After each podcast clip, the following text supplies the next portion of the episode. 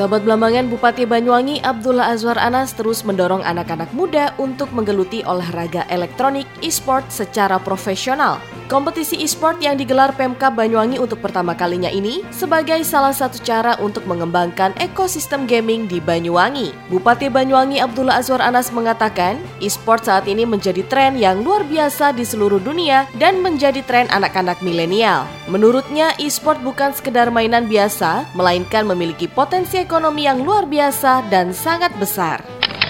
E-sport ini sekarang telah menjadi tren yang luar biasa di seluruh dunia dan ini menjadi tren anak-anak milenial bukan hanya sekedar mainan biasa tapi ada potensi ekonomi yang luar biasa yang sangat besar. Nah, mungkin sebagian orang melihat ini sesuatu yang biasa, tapi sungguhnya ini adalah tren yang baru yang e, sangat dahsyat dan oleh karena itu maka ini kita kita kompetisikan.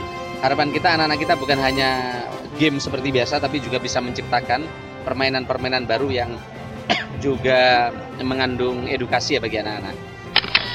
Banyuwangi Esport Competition ini dilaksanakan selama dua hari pada tanggal 18 hingga 19 September 2019 di Gedung Wanita Banyuwangi. Pada kesempatan itu pula, Menteri Komunikasi dan Informatika Rudiantara turut menyapa para peserta yang tengah berkompetisi melalui video. Rudiantara mengatakan e-sport membuka banyak peluang bagi anak-anak muda Indonesia. Di antaranya adalah menjadi atlet e-sport yang bisa berlaga hingga ke tingkat dunia Selain menjadi atlet, peluang lain dari e-sport adalah menjadi developer. Rudiantara mencontohkan salah satu developer game berbasis di Prancis, yakni Game Love, di mana yang membangun aplikasi gamenya adalah anak-anak yang bermukim di Yogyakarta. Laporan Alfian Firdaus.